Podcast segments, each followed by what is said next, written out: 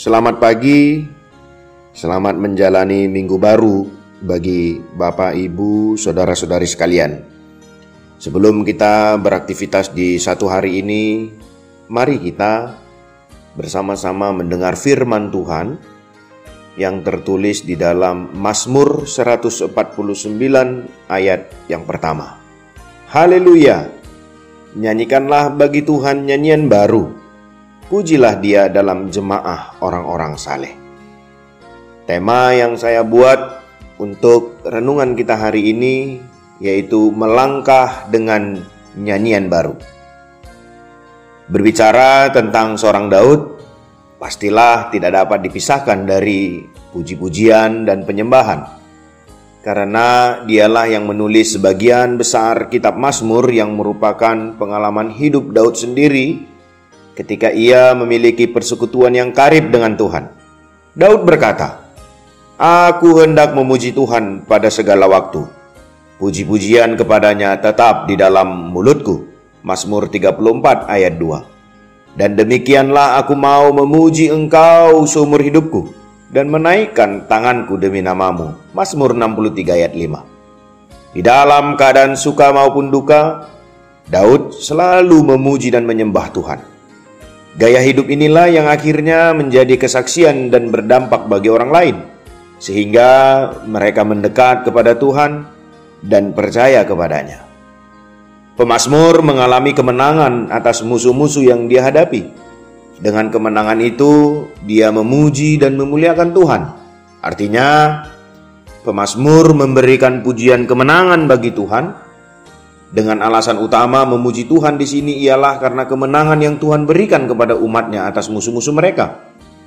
Dengan memuji Tuhan, mereka mengakui bahwa Tuhanlah sumber kemenangan mereka, bukan jasa atau kekuatan mereka.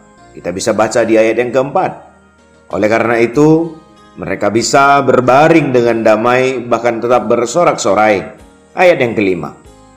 Pujian di sini bisa berlatar belakang dengan dalam sejarah Israel, entah pada masa permulaan ketika Tuhan memerdekakan secara tuntas dari perbudakan Mesir, ataupun momen-momen penyelamatan penting lainnya.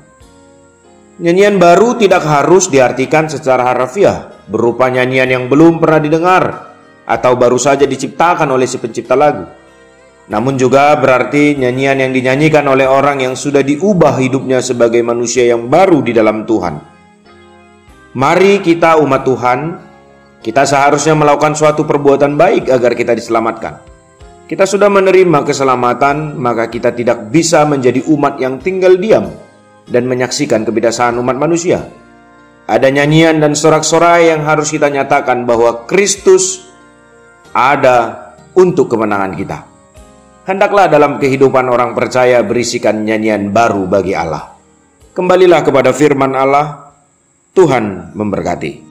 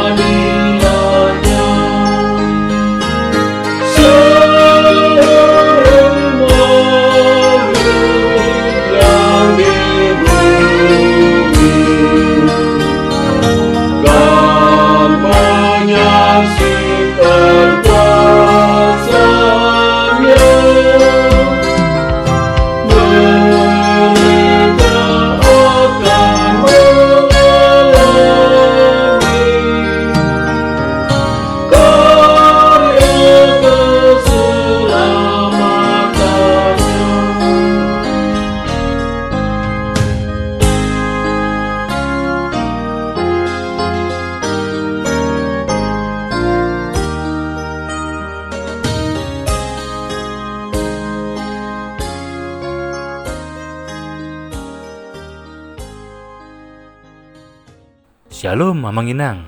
Terima kasih sudah mengawali hari dengan mendengarkan renungan hari ini. Yuk bagikan renungan harian ini kepada keluarga kita sehingga firman Tuhan itu tidak kembali sia-sia, namun berbuah dan terpelihara. Tuhan Yesus memberkati.